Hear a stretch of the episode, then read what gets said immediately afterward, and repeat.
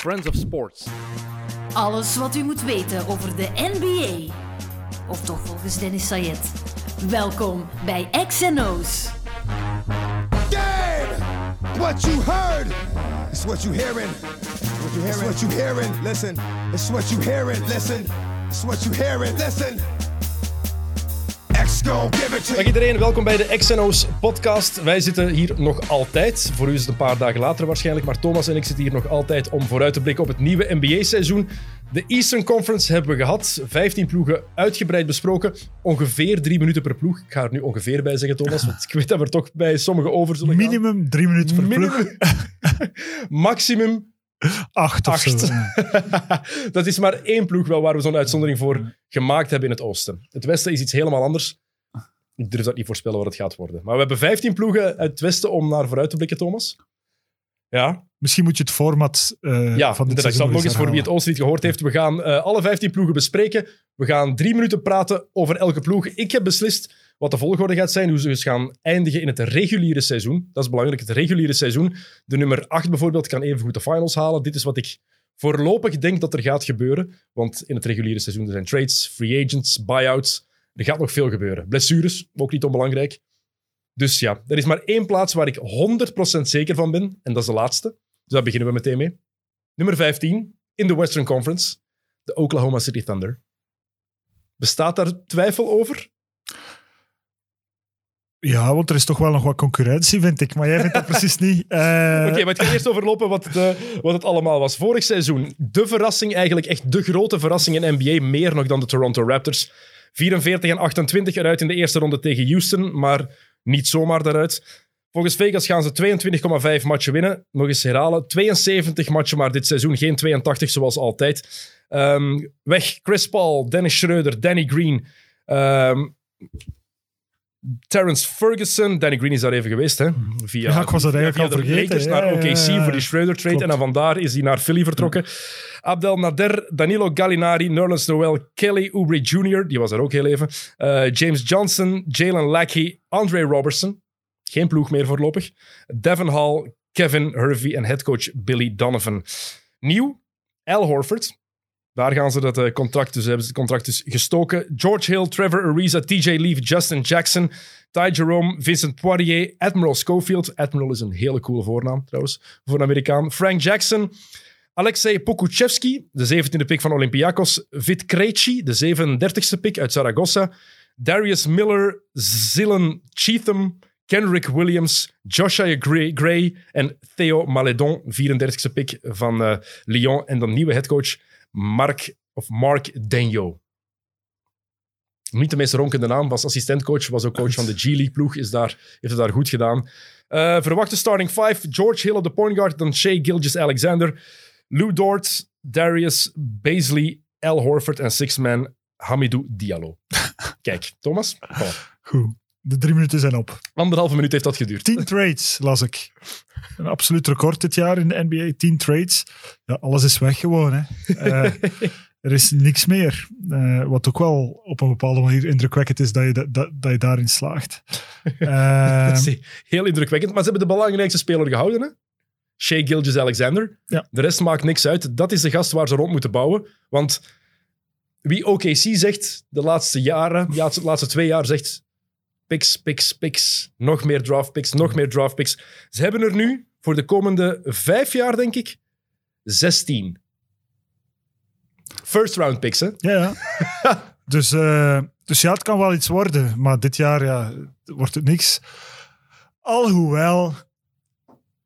Alhoewel wat. Ja, gewoon heel Ariza Horford. Gaan die gewoon over zich laten lopen. Dat is toch wel heel veel ervaring dat je daar hebt. Als je daar eh, Gilgis Alexander bij zet. Ja, het kan... Oké, laat het ons er gewoon over eens zijn dat ze de slechtste ploeg in de NBA worden. En ze kunnen alleen maar beter doen dan dat. Op Eh, papier hebben ze toch wel overduidelijk de slechtste ploeg in de hele NBA. Je hebt enkel SGA, dat is echt een star in the making. Dat is echt een geweldige speler. Voor de rest, ja, Lou Dort. Leuke dingen laten zien in de playoffs. Heel goed verdedigd op, op, eh, op James Harden.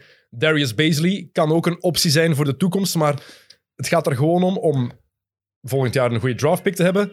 En om met die assets even Drie minuten, iets Dennis. meer te doen. Je kan daar nog mee traden met die draftpicks. Nee, klopt. Dus eh, nee, nee, er, er- er komen betere tijden aan. Dat is ook het mooie aan het hele systeem. Maar dan moet je wel eens af en toe door die zure appel. En die zure appel is dit jaar. Ze dachten dat het vorig jaar al ging zijn en toen was Chris Paul blijkbaar ineens terug tien jaar jonger. Vegan geworden. Blijkbaar helpt het enorm. Nu het moeilijke.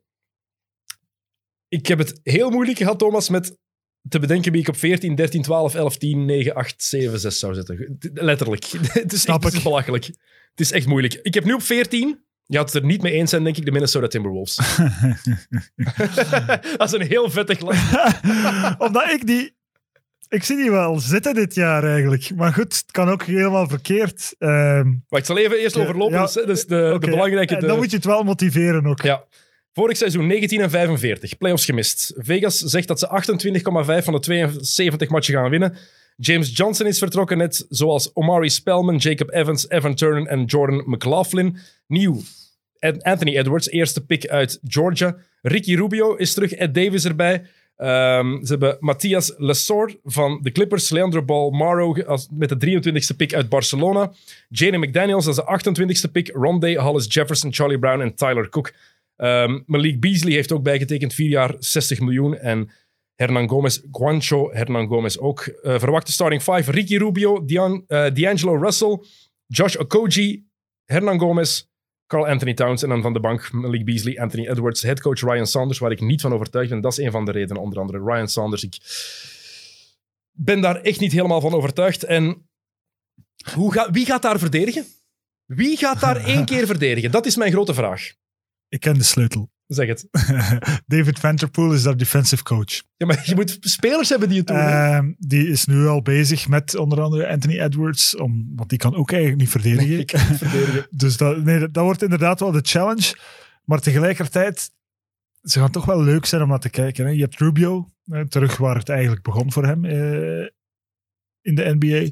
Ehm, je hebt nog altijd Cat, hè, die, waar we eigenlijk allemaal niet mo- moeten van weten, want het is geen winnaar en het is geen hustler. Maar oké, het is wel puur talent. Absoluut. Je hebt er de number one pick bij, je hebt er D'Angelo Russell bij, die misschien wel ook een, underachiever is in zijn carrière, maar tegelijkertijd, kom, die kan je toch niet op 14, allee, die kan je toch niet op 14 Het zetten? zegt veel, het zegt, het zegt, dit zegt eigenlijk alles over de Western Conference. Ik, ik meen, ik, ik, je hebt eigenlijk gelijk, ik kan ze niet op 14 zetten. Ik heb het toch gedaan, maar ik heb heel hard, ik heb ze op 11 Moesten gezet. ze minimaal kunnen verdedigen, dan moet je ze op 9 of 8 zetten. De vraag is één ook, hoe gaat die chemistry zijn daar? Vraag ik me echt af. Ja. Russell en ehm, Towns kennen elkaar van vroeger, samen AAU-team gespeeld, goede vrienden altijd geweest. Hoe gaat Anthony Edwards daarin passen? Eh, je had het er straks over iemand waarvan je zei, ik denk dat hij niet graag basket. Ik weet niet meer over wie het was. Markel Fultz. Markel Fultz. Ah, wel, Anthony Edwards. Voor de draft zegt hij, ik, had, ik was veel liever een voetbalplayer geweest. Zo'n quotes maken mij heel bang. Die zegt letterlijk, eh, ik, ik heb gebasket omdat ik daar gewoon beter in was. Maar eigenlijk was ik liever een NFL-speler geworden. Dat is al, dan gaan die, die rode vlaggen in mijn kop. Ja, dat is dat echt- zou ook al een reden zijn voor mij om die niet te draften Kijk, op voilà. Maar het, is de nummer, het is de eerste draftpick wel. Heel belangrijk. Ryan Sanders komt daar ook bij. En dan heb je nog Malik Beasley. Die voor chaos heeft gezorgd al binnen de ploeg. Ehm, is gearresteerd geweest. Het is een hele rechtszaak die eraan komt voor eh, huiselijk geweld. En nu is hij pas gefotografeerd geweest, hand in hand, met mondmasker op, want dan kunnen ze ons niet herkennen, met de vrouw van Scottie Pippen.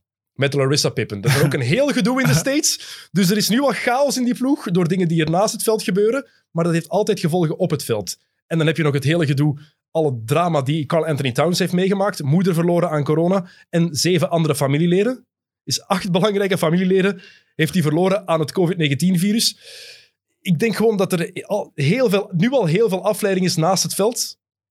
En dat dat doorgaat, zich door gaat trekken op het veld. En ik denk gewoon dat er bij de rest zo, er is zoveel concurrentie in het Westen. Oké, dan ben ik heel erg benieuwd naar Ja, ik, ik ben ook heel benieuwd. vervolg. Maar Wie je daar allemaal op welke plaats ja, maar er zijn nog 13 ploegen en Thomas, je weet Ja, maar er zijn ook nog een paar hele slechte die je, Ja, die je boven Minnesota zet. ik moet ook zeggen, ik heb er ook hier gezet, die kan je misschien daar... Ja, het, ja, het, is, het is heel moeilijk.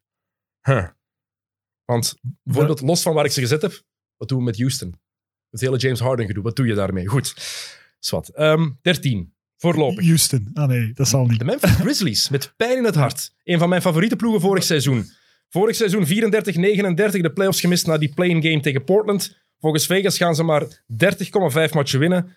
Josh Jackson is vertrokken, net zoals Anthony Tolliver en Utah Watanabe.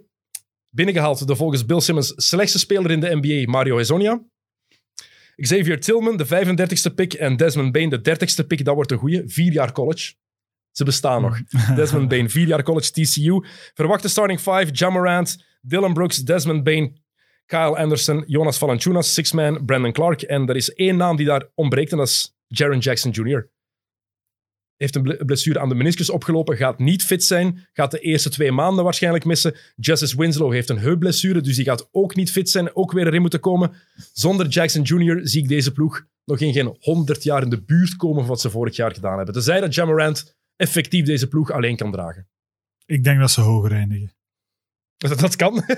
De kans is groter dat ze hoger eindigen dan lager. Mochten ze compleet zijn hè, met Jaron Jackson, dan denk je dat ze de, dat ze de playoffs halen. Maar goed, dat is niet het geval. Nee, dat is niet het geval. eh, We weten dus dat ik al. snap wel dat je ze lager zet, maar toch...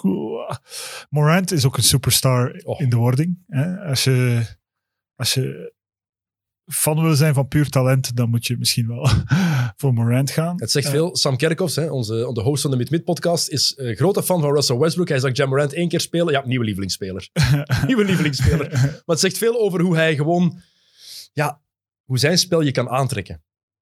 Vind ik toch. Eventjes over Sam Kerkhoffs, die kent niks van basketbal. Daarom. Dus, eh, ter duiding. Eh, dus eh, nee, nee, dat is waar. Ehm, dus, en, en Jaron Jackson, ja, ook wel pff, indrukwekkend. Dus daarom, ja, ik word er wel een beetje enthousiast over, maar niet. hè. en ook als Winslow dan uit is. En ik snap het ergens wel, maar ik hoop dat ze hoger eindigen. Toch met- als ik de andere teams bekijk. Het is met Eh, tegenzin. Hè. Ik had ze liever ja. boven Sacramento en San Antonio gezet, bijvoorbeeld. Of, en boven Houston. Ik zet ze hier niet graag. Maar... En dan hoor je ook dat Taylor Jenkins, de headcoach, dat die gezegd heeft, ja, ik ga zeker in, het, eh, in preseason heel veel experimenteren met starting line-ups. Dat betekent dat hij ook ja, geen dat hij idee het ook heeft nog niet weet. Kijk, en dat, dat begrijp ik ook. Als je met zo'n belangrijke blessure zit, is dat heel logisch. Ehm, maar Jamarant, Jamarant, daarom kijk je naar Memphis. En ik heb daar heel veel compassie mee, voor één reden. Die gast speelt zijn beste professionele match uit zijn leven. De playing game tegen Portland. Je weet, weet je dat die match niet telt? Die match komt niet in de geschiedenisboeken. Dus alle stats van die wedstrijd zijn niet officieel. Het is super raar, maar dat telt niet. Dus zijn career high was in die match, is niet officieel. Dat telt niet. Complete waanzin, toch? Dat is zoals Lukaku, die ooit eens gescoord heeft tegen Luxemburg in een vriendenmatch. en die goal telde ook niet. Ja? Allee, dat maar dat is- dan wel nog erger als dat uw beste wedstrijd ooit is, natuurlijk. natuurlijk En het was een vriendenmatch tegen Luxemburg. Dit was een playing game Ja. voor een plaats in de playoffs. Dus Maar Morant, die gaat daar gewoon dit jaar toch over. ehm, over die beste match. Eh, tenzij... Want ik, er is één ding met Jamarant, wat ik met Derrick Rose ook altijd had. Wat ik met Russell Westbrook altijd heb gehad. te explosief. Ah, ik hou mijn hart elke keer als hij naar de ring gaat. ja, maar hij heeft wel zoiets eh, slangachtigs dat het toch anders maakt. Hij Het is, over Kevin Love proberen springen. Hè? Erover. maar Die gast is een meter 88. Maar hij heeft hè? toch een soort, ja, maar hij heeft toch een soort eh, smoothness Ja. eh, in zijn bewegingen, ook in zijn landingen. Hij verliest dan volledig zijn evenwicht, landt dan op één been. Dat je denkt van dit loopt nooit goed af en het loopt wel altijd goed af. Nu nog. Derrick Rose de eerste jaren... het, is een, liep- het is een ander soort explosiviteit, toch? Nou, Derrick Rose is ook door zijn knie gegaan door die, die hopstep. En dat zie je wel Ja. vaker. Goed, ehm, nummer 12. ja. Maar de- je zit dus al twee keer verkeerd, hè, op de drie. We gaan straks even overlopen wat ik vorig jaar allemaal verkeerd had. Dus, want, Dat nu- wordt pas lachen. want nu komen we zeker aan Sacramento Nu komen we aan Sacramento. en die moeten lager. 31 en 41, playoffs gemist. Volgens Vegas 27,5 overwinningen. Eh, Bogdan Bogdanovic vertrokken, Ken Bazemore vertrokken, Corey Brewer. Ik wist zelfs niet dat hij daar zat. Eh, Jo, eh, Speelt hij nog? ja, blijkbaar. Nee, nu niet meer. Heeft geen ploeg. Yogi Farrell. Misschien kan hij naar de Giants komen, daar hebben ze iemand nodig. Ehm, Harry Giles is vertrokken en Alex Len nieuw. Hassan Whiteside, onze favoriete speler, hè? net zoals Michael Carter-Williams. Die mag in ons All-Star team komen. Frank Kaminsky, Tyrese Halliburton gedraft als twaalfde. Eh, hele goede pick. Ehm, Glenn Robinson III, Shimedzi Metu. Jamius Ramsey, 43ste pick, maar dat is een, een absolute steal. Robert Woodard, 40ste pick. En nieuwe GM, Monty McNair. En ze hebben een nieuwe associate head coach. Een belangrijkste assistant wordt nu Elvin Gentry. Dat is belangrijk. Ehm, want die gaat samen met Luke Walton werken. Samen ook twee hoofdassistenten van Steve Kerr bij de Warriors in hun kampioenenjaren. Verwachte starting five. De'Aaron Fox, Buddy Hield, Harrison Barnes, Marvin Bagley III en Rashawn Holmes. Dus, dus nu komt het. Marvin Bagley die gaat heel het jaar gekwetst zijn. Hij, voorlopig is hij fit. Ik hoop dus dat het zo blijft. Harrison Barnes is Harrison Barnes en dat gaat nooit meer worden dan Harrison Barnes. Darren Fox die heeft het geld gekregen, dus die, Die wat? die gaat chillen. Man, nee, jong. Die, die houdt te veel nee, van nee, ik ben gewoon mijn eigen aan het overtuigen dat Sacramento gewoon slechter gaat zijn. Divac is weg, Mm. eh, serieuze los. De beste move die ze hebben kunnen maken. je bent pro, ik weet, je bent altijd pro Vlade Divac geweest. Nee, nee, dat is niet waar. Maar Divac is oud. Monte McNair komt erin. Dat is een... eh, ehm, Wat McNair, ja, McNair, zeg maar eerst. En dan komt van Houston. Ja. Dus komt van de Daryl Morey opleiding. Ja, wat McNair zeer goed gedaan heeft, heeft zich niet verbrand.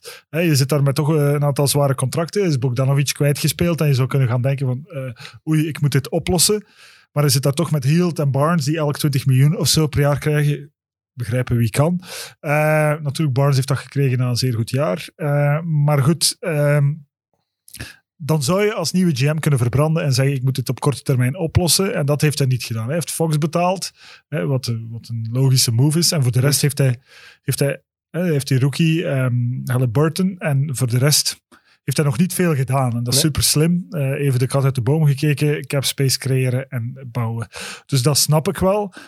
Maar dat verklaart nog altijd niet waarom ze dit jaar twaalfde gaat Je hebt Jelitsa daar nog zitten. Je hebt ehm, Jabari Parker daar nog zitten. Wie weet kan dat ooit nog iets worden. Ik, ik, ik geloof er daar zo hard in. Ja, Die ik van wel. college kwam. Maar heel belangrijk, kan Marvin Bagley eindelijk gezond blijven? Ik denk dat daar heel veel van afhangt. Tweede draftpick, eh twee jaar geleden. Een van de grootste, ver- eh, verkeerdste keuzes ooit. Want je moet altijd Luka Doncic pakken daar als die vrij is. Blijf dat straf vinden. Je hebt dus toen die eerste pick, ik wijk even uit, maar eerste pick, de headcoach van Slovenië bij Phoenix. Kiezen niet voor eh Doncic. Je hebt de tweede pick, Vlade Divac. Zou toch Europese basketters moeten kennen. Kies niet voor Doncic. Ja, goed gedaan. Ehm Swat, eh, Bagley, dat is heel belangrijk dat hij gezond blijft. En wat met Buddy Hield? Hij was zo ongelukkig in Sacramento. Gaat hij terug gelukkig worden daar? Ehm, het enige jammere voor hen is nu wel dit jaar dat die sign and trade met Bogdan Bogda- Bogdanovic naar Milwaukee is doorgegaan. Dan hadden ze die Vincenzo Ilyasova en DJ Wilson erbij gekregen. Het zijn geen ronkende namen, maar om die ploeg in de breedte te versterken, is dat wel iets. En ik denk, Halliburton, ik zie het wel gebeuren dat hij in de loop van het seizoen in de basis terechtkomt. Dat is echt de steal van deze draft. 10 naar 12 is gevallen. Dus, vandaar. Oké. Ken je echt al die spelers, Dennis? Dat vraag ik me soms af. Welke? Van de, van de, van de draft? Nee, gewoon, ik hoor je daarnet al die namen zeggen. En dan denk ik ook van, nu is hem ook namen aan het zeggen die hem echt niet ik, kijk van, ik kijk van elke ploeg minstens 10 matchen per seizoen. En dan Maar daar staan toch Zoek ook je spelers namen op? tussen bij die trades dat je ook Ja, maar als je van- nieuwe trades ziet, dan ga je... Ik zoek die dan op. Ja. Eerst je leest, je leest die hun bios eh, en dan, nummer en dan zoek 16 je en highlights op. 17, en, dan kijk je nummer naar- 16 en 17 in een team. Soms Ja. kennen we die toch Ja, maar dan zoek je even wat YouTube-beelden op en dan ga je naar die statistieken kijken en dan vergelijk je dat met andere spelers op die Volgens positie. mij ben je nu... Nee, echt waar, ja. Gast, waarom denk je dat ik, zo, Nee, waarom dat is denk je dat ik zo'n wallen heb? Ik heb geen kinderen, hè? Dus Wat denk je dat ik heel de tijd doe? Oké. Dus voilà, dat is het. Ehm, Nummer 11. nummer 11. Ja, kijk. Houston. Ja, Houston. Ik heb hier Houston. Ik kijk ook naar Houston. Het is... We weten niet wat er gaat gebeuren, want James Harden op zich is een playoff ticket alleen bijna. Gewoon, die eist zoveel op. Maar ze hebben nog altijd geen vervanger voor Capella. Goed, even de, de statistieken eerst. Vorig seizoen 44-28 verloren in de tweede ronde van de Lakers. Als straf dat ze die tweede ronde gehaald hadden eigenlijk, met hoe zij speelden. Eh, Vegas zegt 34,5 overwinningen uit 72 matchen. Allemaal vertrokken. Dat is een stevige lijst. Russell Westbrook, Robert, Covington, Jeff Green, Austin Rivers, Isaiah Hartenstein, DeMarai Carroll, Tyson Chandler, Michael Frazier, Lukumba Mute, Tabo Cephalosha, GM Daryl Morey en headcoach Mike D'Antoni. Nieuw John Wall, hm. Christian Wood, dat is een hele goede signing. Sterling Brown, DeMarcus Cousins, Jay Sean Tate, ex-Antwerp Giants, Gerald Green, Kenyon Martin Jr., 52ste pick. Nieuwe general manager met Raphael Stone en headcoach Steven Silas, die heel hoog aangeschreven staat volgens iedereen. Verwachte starting five: John Wall, James Harden, Daniel House Jr., PJ Tucker, Christian Wood, met Eric Gordon als sixth man. Maar ja, het is hier nu al drama. James Harden heeft nu al gezegd: maakt niet uit dat John Wall er is, ik wil nog altijd weg. En dit gaat de hele tijd als een donkere wolk boven hen blijven hangen. Maar er is nog een andere donkere wolk. Dat is het feit dat John Wall niet gespeeld heeft sinds 2018. Dus dat je niet eens weet van wordt dit iets of wordt dit niks, los van het feit of het ooit kan werken. Hij is wel Eh, terug met Boogie. Twee Ja, vrienden van college. Kentucky. Ja, kijk, dus... Ja. Dat, twee gasten dat was ook het eerste dat ik dacht. Hè, de Cousins en Wall. eh, maar ik denk niet dat die gewonnen hebben. Hè. die, hebben het, die, hebben, die zijn eruit gegaan in de tweede of derde ronde van Ja, eh, het toernooi toen. Maar hebben ook allebei een Achillespees afgescheurd. Allebei. Ah, oké. En je weet hoe sceptisch ik daarover ben. Zeker met iemand zoals Boogie, die toch een stevige kerel is. En iemand als John Wall, die zoveel moet hebben van zijn explosiviteit. Die geen midrange jumper heeft, die geen driepunt shot heeft. En je komt van Westbrook, ga je naar Wall. Objectief gezien is dat een downgrade. Ja, het is sowieso een downgrade. Eh, je bent ook Capella kwijt. Niet onderschatten. Christian Wood is wel een goede vervanger. Ja, die heeft een ongelooflijke bubbel gespeeld, denk ik. Ja. Wood. Nee, Wood heeft, pas bij Detroit zat niet in de Ah, bubbel. ja, nee. Wood zat niet in de bubbel. Maar die heeft... eh, Daarvoor was of die- toch een breakout. Ja. eh, goed, even in de war. Eh, Maar het is een lange dag voor jou, Thomas. Ik snap dat het is een lange dag voor jou. Je hebt eh, genoeg te doen, eh, je te doen gaat vandaag. Maar Steven Silas, nieuwe coach. Hoe kut is dat om zo te beginnen voor hem? Echt. Je begint aan een nieuwe job Ja, en het is alleen ja. maar drama. Ja, tegelijkertijd, je krijgt dan je kans. Eh, ik weet niet waar hij allemaal gezeten heeft. Ik denk dat hij bij Dallas ook gezeten Ja, heeft. Hè. Komt, van, Dallas. Carlisle, ja. Ehm, ja, je krijgt dan je kans. Eh, je hebt toch wel van thuis uit wat ervaring meegekregen, zullen we zeggen. Maar op een bepaald moment moet je wel durven springen. Ehm, de verwachtingen zijn ook niet... Je zet ze op 11, Dennis, dus de verwachtingen zijn ook niet heel erg, er- erg hoog dit jaar. Ik zet ze op 11. Ja, Amerikanen zetten ze hoger, hè? Echt. James Harden is er nog altijd. Ja, ik zou ze misschien ook wel iets hoger zetten. Eh, maar... ik ga er eh, gewoon vanuit dat James Harden gaat vertrekken. Dat ze dat niet gaan Maar ja, volhouden. dat is natuurlijk... Dat is het. Als, je, als je dat in overweging neemt, hè, als Harden vertrekt, ehm, alle grote pieces zijn toch al verdeeld, dus dan weet je dat je niks, ter- allee, dat je niks terugkrijgt en dat het puur eh, over toekomstvisie gaat. En dan eh, denk jij van niet? Ik, ik, ik, ik heb er geen idee van. Want Steven Silas heeft al gezegd dat hij anders wil gaan spelen. Dus James Harden gaat niet mogen Je doen kan niet hij- Kyrie Irving en John Wall samenzetten. Oh man. Kyrie, John Wall en Cousins. Niet vergeten. Oh, wat, een- Dus, wat een eh, droom. Dus, eh, wat een droom.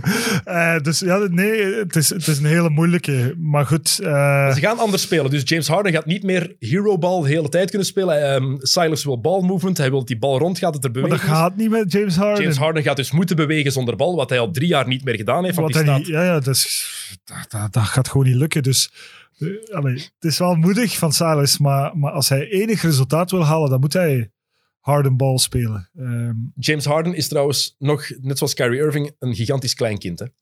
Het is duidelijk geworden hoeveel hij heeft kunnen bepalen de laatste jaren. Want die Westbrook trade, no way dat Daryl Morey die echt wou maken. Daar is hij veel te slim voor.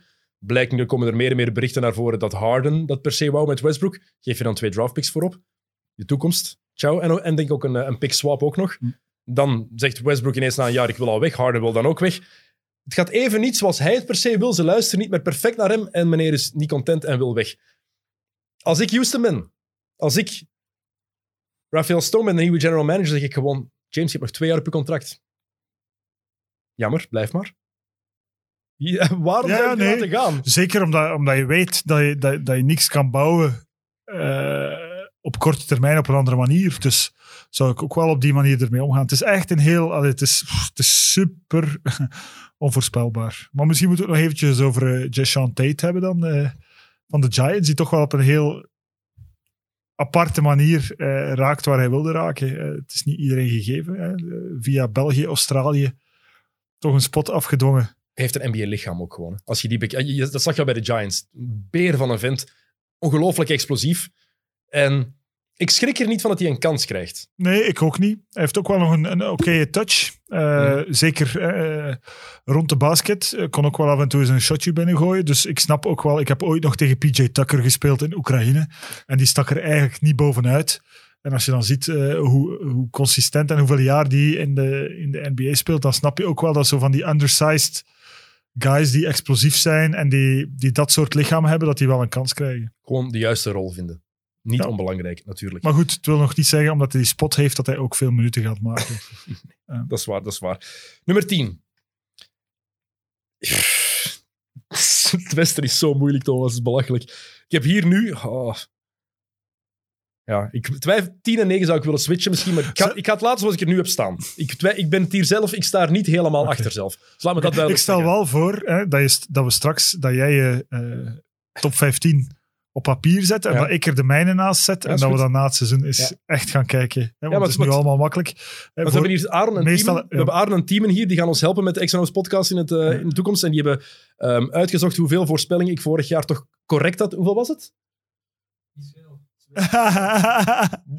ik ging zeggen niet veel. 3 op 30 denk ik dat het was. Ja? ja. 3 op 30. Ja. Dus kijk. Ja. Ik heb ook nooit gezegd dat ik daar goed in ben. Hè. Ik zeg wat ik denk dat het gaat worden. Hè. En er gebeurt zoveel in een seizoen. Ehm, Oké, goed. 10. New Orleans Pelicans. Het is zo'n ploeg. Die kunnen, Ja, vijf- die maar kunnen we- 50 matchen winnen, maar ook Kijk, 25. We hebben net over Houston gehad. Daar word ik niet vrolijk van.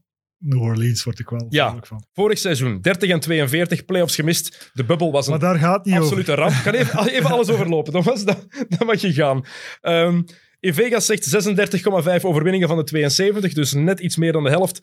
Weg vertrokken Drew Holiday, Derek Favors, Kenrick Williams, Darius Miller, Josh Gray, Jalil Okafor, Eton Moore, Frank Jackson en headcoach Elvin Gentry.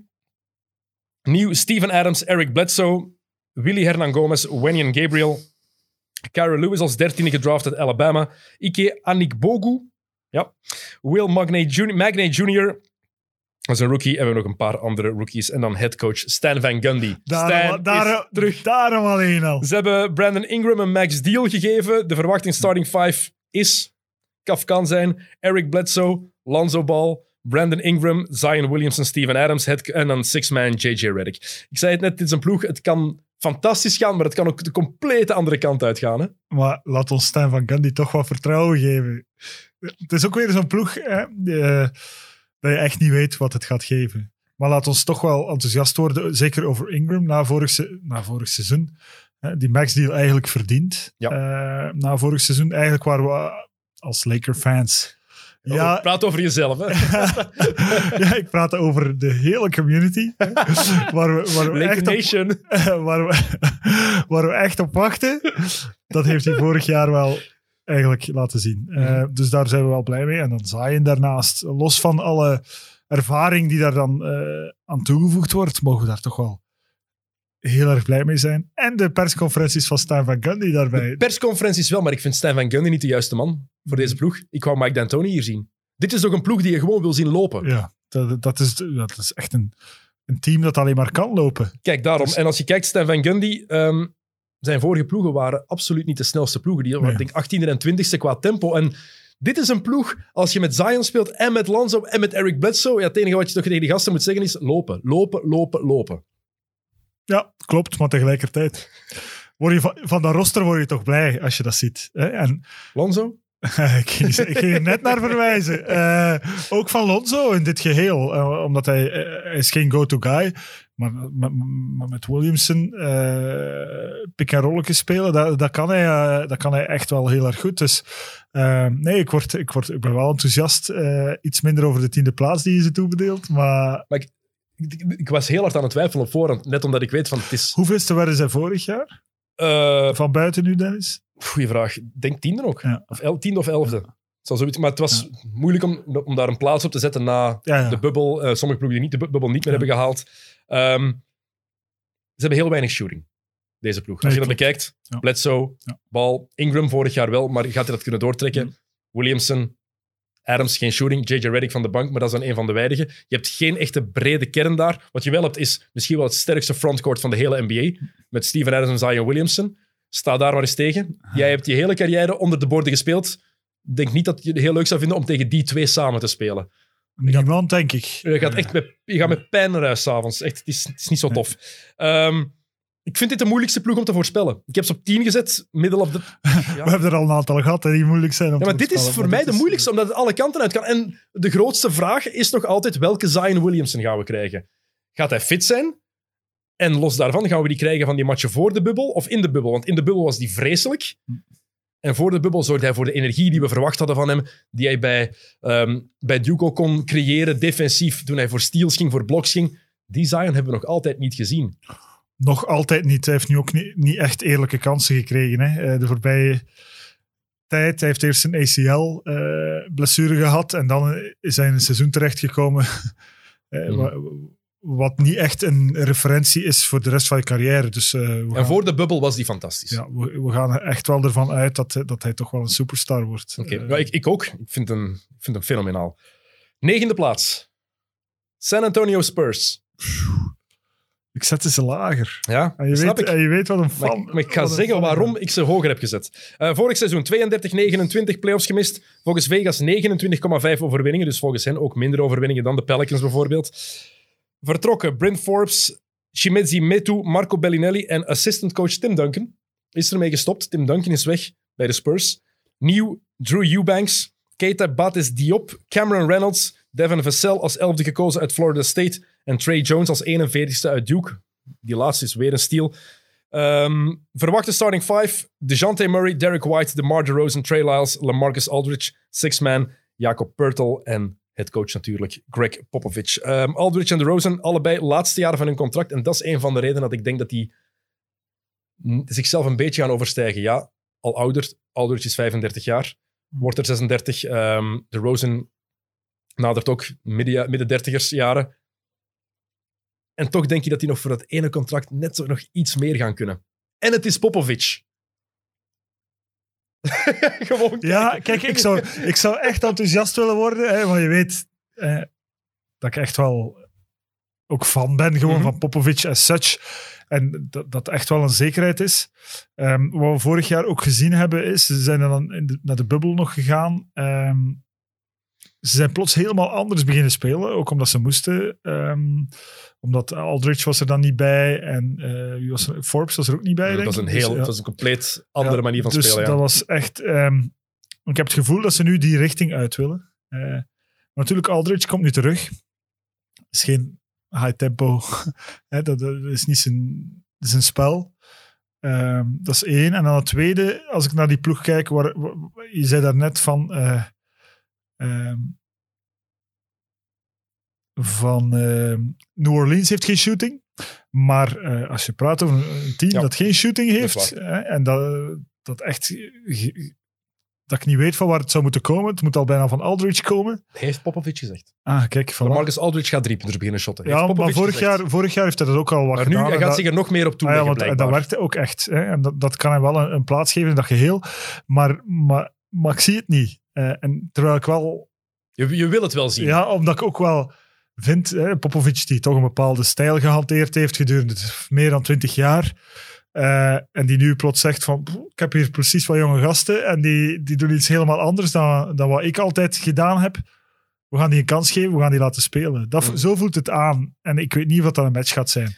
Eh, als je dan ook eh, niet dat driepunt shot hebt, eh, dat je eigenlijk wel met die speelstijl nodig hebt, dan vrees ik er een beetje voor. Je hebt Perry Mills toch altijd van de bank. Ehm, ik geloof enorm in DeJounte Murray. Ik vind het een fenomenale speler. Vooral defensief. Hij kan wel tempo maken. Die twee samen, hij en Derek White. Ja. Leuke combo. Ehm, Lonnie Walker, die van de bank komt. Ja. Ik zie daar wel iets in. Vassell, goede verdediger. Het is een typische Spurs-speler die ze daar eigenlijk gedraft hebben. Degelijke verdediger. Wat Degelijke bestaat dat nu nog? degelijke een, shooter, typische, Marcel? sp- een typische Spurs-speler. Een, een typische Spurs-speler bedoel ik eigenlijk iemand die zich de- meteen aanpast aan het systeem, die niet per se de grote man wil zijn. Oké. LaMelo Ball bijvoorbeeld is het de atypische Spurs-speler. Om maar een, een voorbeeld te geven. Vandaar. dat snap ik. Ja? Goed, maar ik zet ze lager. Oh. Ja, ik, ik, ik snap het. Ik wou ze eigenlijk daar straks al wisselen. Ik was aan het twijfelen om ze met New Orleans eh, te wisselen, maar... Je komt er niet goed uit, Dennis. maar ja, kijk Thomas. Ik heb nooit gezegd dat ik het allemaal wist. Hè. Eh, nee, nee. Dit is wat ik denk dat het gaat worden. En Maar ik- meer, ik- meer dan drie zal hier wel juist hebben, denk ik, dit jaar. ik denk gewoon effectief dat Aldridge en DeRozan een beter jaar gaan hebben. Ik weet niet waarom. En ik geloof nooit dat Popovic heeft nu voor het eerst in hoeveel jaar de playoffs niet gehaald vorig seizoen? 23. 23 jaar. Gaat hij dat nog eens willen, laten, eh, nog eens willen toelaten? Ze gaan de playoffs niet halen hoor, ik weet het ook. Ja, maar als je, probeer een tiende, beetje als je met- tiende wordt, heb je een kans. Hè? Kijk, ik heb ze op 9 gezet, dus het kan helemaal. Nummer 8. Nog Nee. zo moeilijk. Het Western Conference, echt waar. Voorspellen. De Golden State Warriors. Ah, ja. Vorig seizoen 15 en 50. De playoffs is duidelijk gemist. Volgens Vegas 36,5 overwinningen. Kai Bouwman is de enige die weg is. Nieuw Kelly Oubre Jr., Brad, Brad Wanamaker, Ken Bazemore, Alex Stupan, James Wiseman als tweede gekozen uit eh, Memphis in de draft en Nico Mannion als 48ste uit Arizona. Nico Mannion, dat, nog zo'n steal in de tweede ronde, denk ik. Ehm, Instagram-fenomeen, hè? dat Ja. kennen we toch allemaal. de, Ja. de Rossen van Arizona. Eh, Ehm, Nicolo, is Ja. eh, Italiaan. Hè? Vader heeft ook bij Golden State gespeeld, oké. gezegd inderdaad. Ehm, ja, en nog één die vertrokken is, is niet weg, maar is wel weg voor het jaar, Clay Thompson. Dat is het belangrijkste. Hij is eh, weg, Achillespees afgescheurd. Ja, dat is vreselijk. Als je net terugkomt van een zo'n zware blessure en dan je Achillespees afscheurt, pff, het is onwaarschijnlijk. Verwachte starting five is dit, denk ik. Stephen Curry, Andrew Wiggins, Kelly Oubre, Draymond Green, James Wiseman. En James Wiseman, dat kan Marquise Chris worden. Dat kan Kevin Looney worden. Kevin Looney, lievelingsspeler van Steve Kerr. Het kan ook gewoon eh, James Wiseman blijven. Het kan eens James Wiseman blijven. En Steve Kerr is nog, nog altijd head coach. Zijn ze nog een contender zonder Clay Thompson? Nee. Nee, totaal niet. Met Clay wel? Ook niet, volgens mij. Oké. Maar goed. Ook eh, niet met James Wiseman er nu bij? Omdat je ook nog niet weet wat je mag verwachten. Eh, het was de juiste pick, sowieso, voor hen. Maar, ehm, maar de vraag, ik denk dat we de juiste vraag nog niet gesteld hebben. Wat met Wiggins? Ik, ik- Hmm. Wiggins is zo belangrijk. eh, zeker nu zonder Clay. Ehm, en ja, dat is ook zo'n beetje raadsel altijd geweest. Hè? Ik zie ze wel nog altijd proberen om Wiggins en Wiseman eventueel samen te, te traden. Ja, Want ze hebben die tweede pick niet kwijtgeraakt. Ze hebben het wel onderzocht. Ze hebben genoeg gezocht om die te, te traden. Ja. Is niet gelukt. Dus ik denk dat ze gaan proberen om Wiggins echt in de etalage te zetten. Tenminste, die te laten zien, te laten shinen. Of dat gaat lukken, dat is de vraag. Want ik zie nog altijd niet hoe hij in dit geheel past. Dus ik, ik, ik, ik, eh, de vraag van contender verraste me een beetje. ik zie het. Eh, op hoeveel heb je ze nu gezet? Op Acht. Op acht. Eh, ja, ik denk dat ze in de buurt staan waar, waar ze moeten staan. Moeten ons ook afvragen. Stephen Curry is nu ook niet de meest blessurevrije speler die we kennen. Stel je voor dat ze die ergens nog 10, 15, 20 matchen verliezen. Ja, dan, dan, dan praat je terug over, eh over 12 of 13, denk ik. eh. Je, je hebt wel met Oubre Jr. en ehm, met Bazemore twee spelers die, daar, die daarbij komen, die er goed bij komen. Ze hebben Oubre kunnen tekenen met die, eh, die trade exception die ze hebben gekregen. Ook door de blessure van, van Clay natuurlijk. Bazemore is belangrijk voor de sfeer. Was altijd al goed in die groep. dat, was zoals ik, dat zoals ik vroeger. Een van de beste, dankzij Ken Bazemore. Jij pakte soms nog rebounds. hè? Ah, ja, Soms. ja, ja. Ik, ik mocht ook soms meedoen. Eh, Dankzij Ken Bazemore zit Stephen Curry nu bij Under Armour trouwens. Hij heeft dat allemaal in gang gezet eh, destijds. Ik ben heel benieuwd hoe ze zich gaan aanpassen zonder Clay, want het wordt ook een andere manier van spelen. En dat is ook heel belangrijk, denk ik. Ze gaan Clay Thompson missen als speler, ehm, als figuur ook. We gaan hem allemaal missen, want het is het tweede jaar op rij dat we die niet aan het werk gaan zien.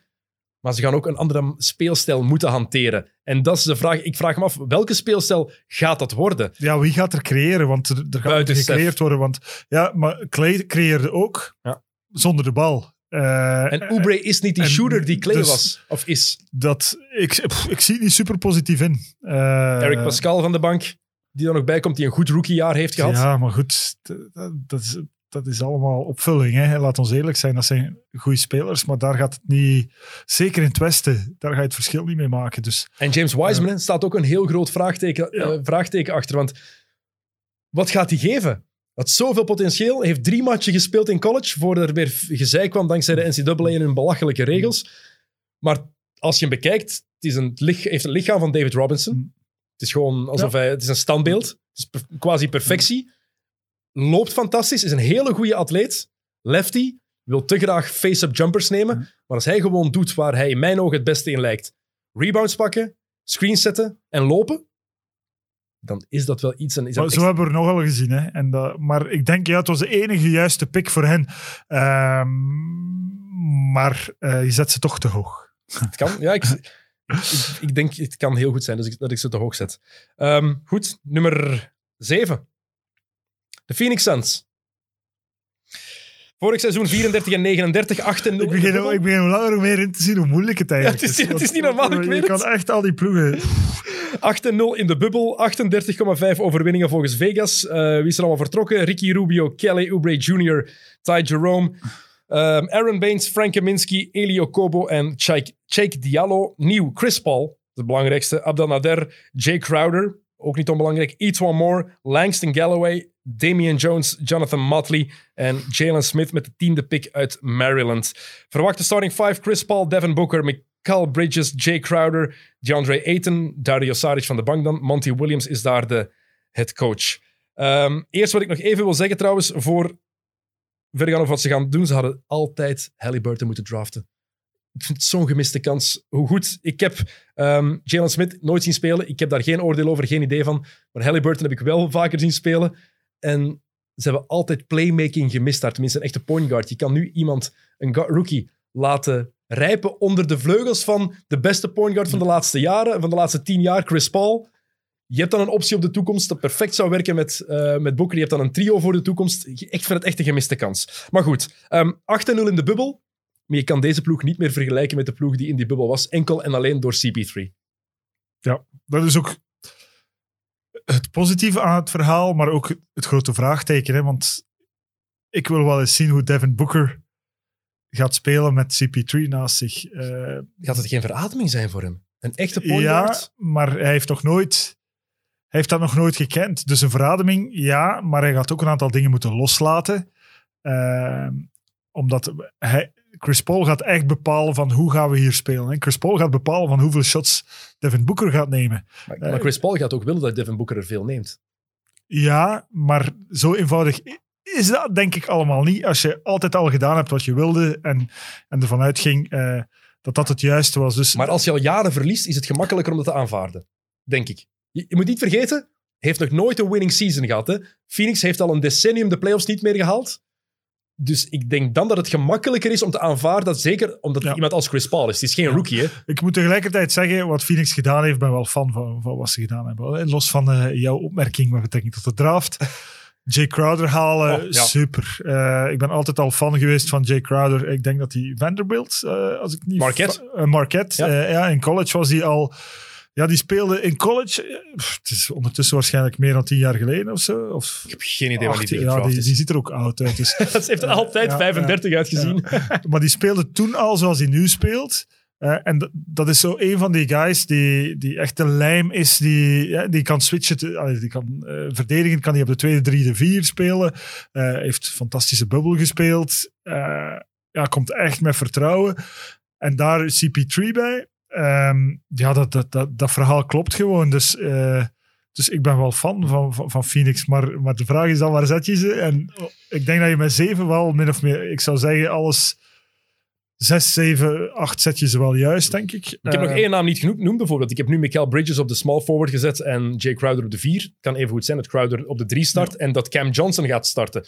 Rookie vorig jaar van North Carolina. Iedereen zei toen ook, ga je die nu ga je die als elfde draften? Cam Johnson in college was hij niks. Hij was heel goed in zijn rookiejaar. Stretch four.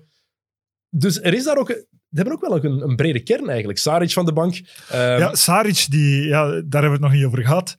Maar die speelt op de vijf. Dat, dat vind ik fantastisch eigenlijk. Hè, dat die, want eigenlijk toen die ehm, in Europa nog speelde, ja, dat was ook zo'n vraagteken van wat is dat nu eigenlijk? Is dat een tweede, drie en vier? En nu heeft hij zichzelf daar zo een beetje heruitgevonden. nu is het ook. de vijf. Nu is het plots een vijf geworden. eh, en hij doet dat fantastisch. Eh, heeft beperkte skills, maar ja, kent het spel eh, door en door. Dus ja, wel enthousiast over, over de Suns. Oké, ehm, de vraag is nu ook gewoon hoe lang blijft Chris Paul fit?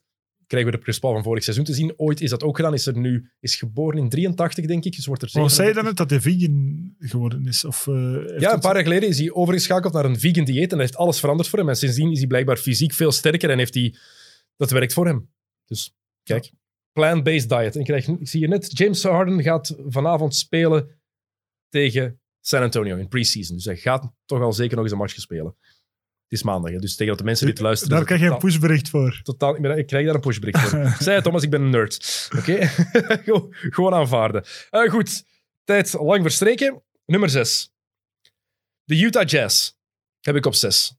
Vorig seizoen 44 en 28, verloren in de eerste ronde van Denver. Volgens Vegas gaan ze 42,5 matchen winnen.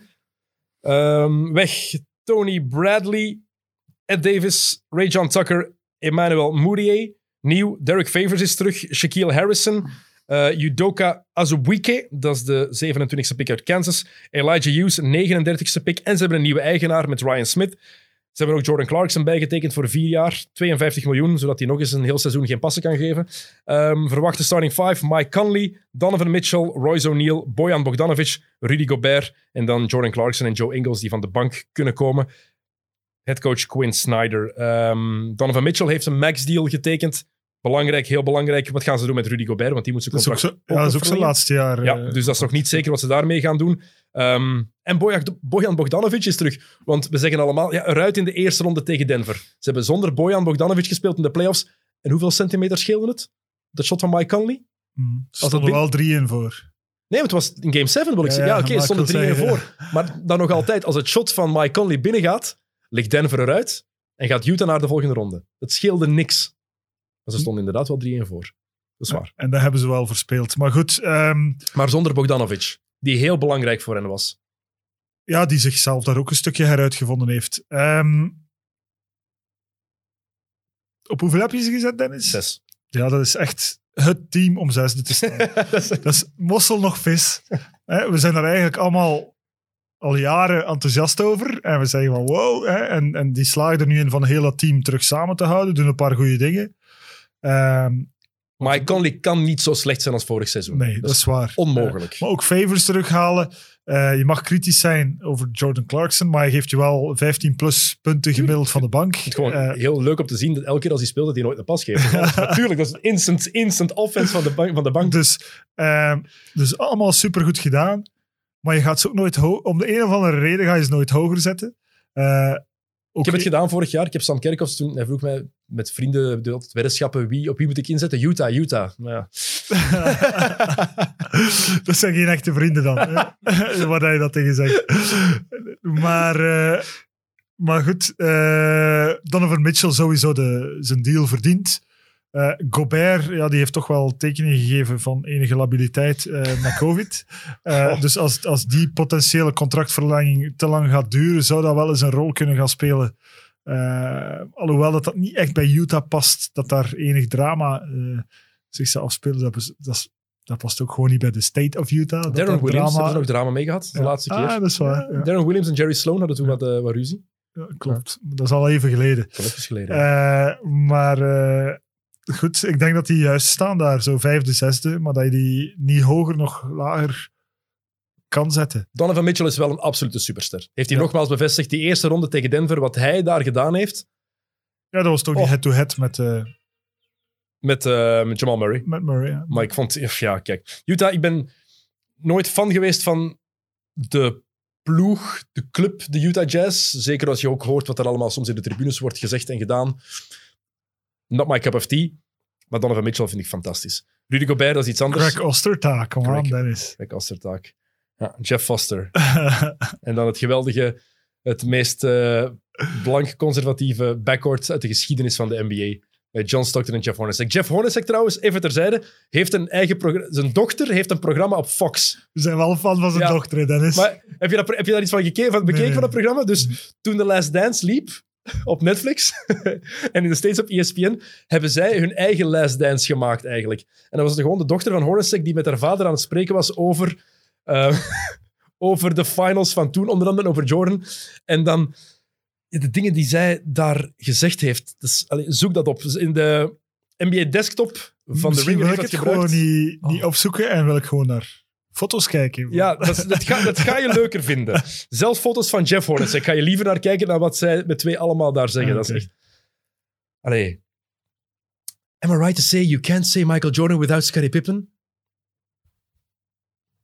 Ja, allee, ja. Goed, ja. Goed, prima. Utah op zes. Zes. Dat Nummer vijf. naadloos bij vijf. De Portland Trailblazers.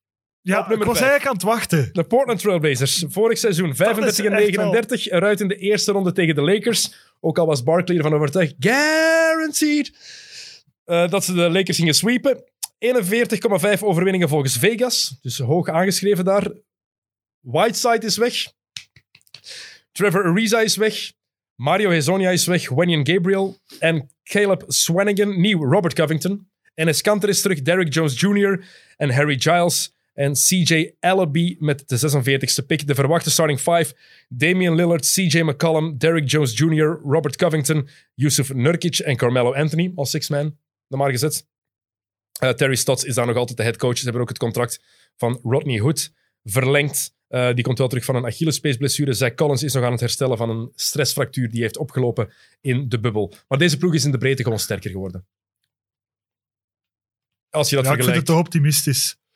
Ehm, Wel of niet? Van jou vind ik dat redelijk Ah. optimistisch. om ze vijfde te zetten. Ehm, Hm. Goed, ik heb het niet voor Kanter. Dat kan daarmee te maken hebben. Hè, want Kanter geeft je scoring en rebounds, maar nul defense. En zeker eh, ehm, niet super voor de, hoe moet ik zeggen, voor de strijdbaarheid van je team. Maar Eh, Kanter is maar derde optie als Zach Collins terugkomt. Onder de borden. Dan is het Collins ehm, en Nurkic en Covington die drie. En dan Mello die Goed. vier gaan dan spelen. Ehm, waar ik wel... Ik vond Gary Trent Jr. vorig jaar wel... eh, ik heb nog met zijn vader gespeeld. Daarom. Eh, maar die was heel goed, daarom, ja. Maar die was echt goed. En eindelijk hebben ze ergens zo'n soort optie eh, achter... eh, na, na Damien Lillard en eh, CJ McCollum. Iets waar dat ze iets mee kunnen.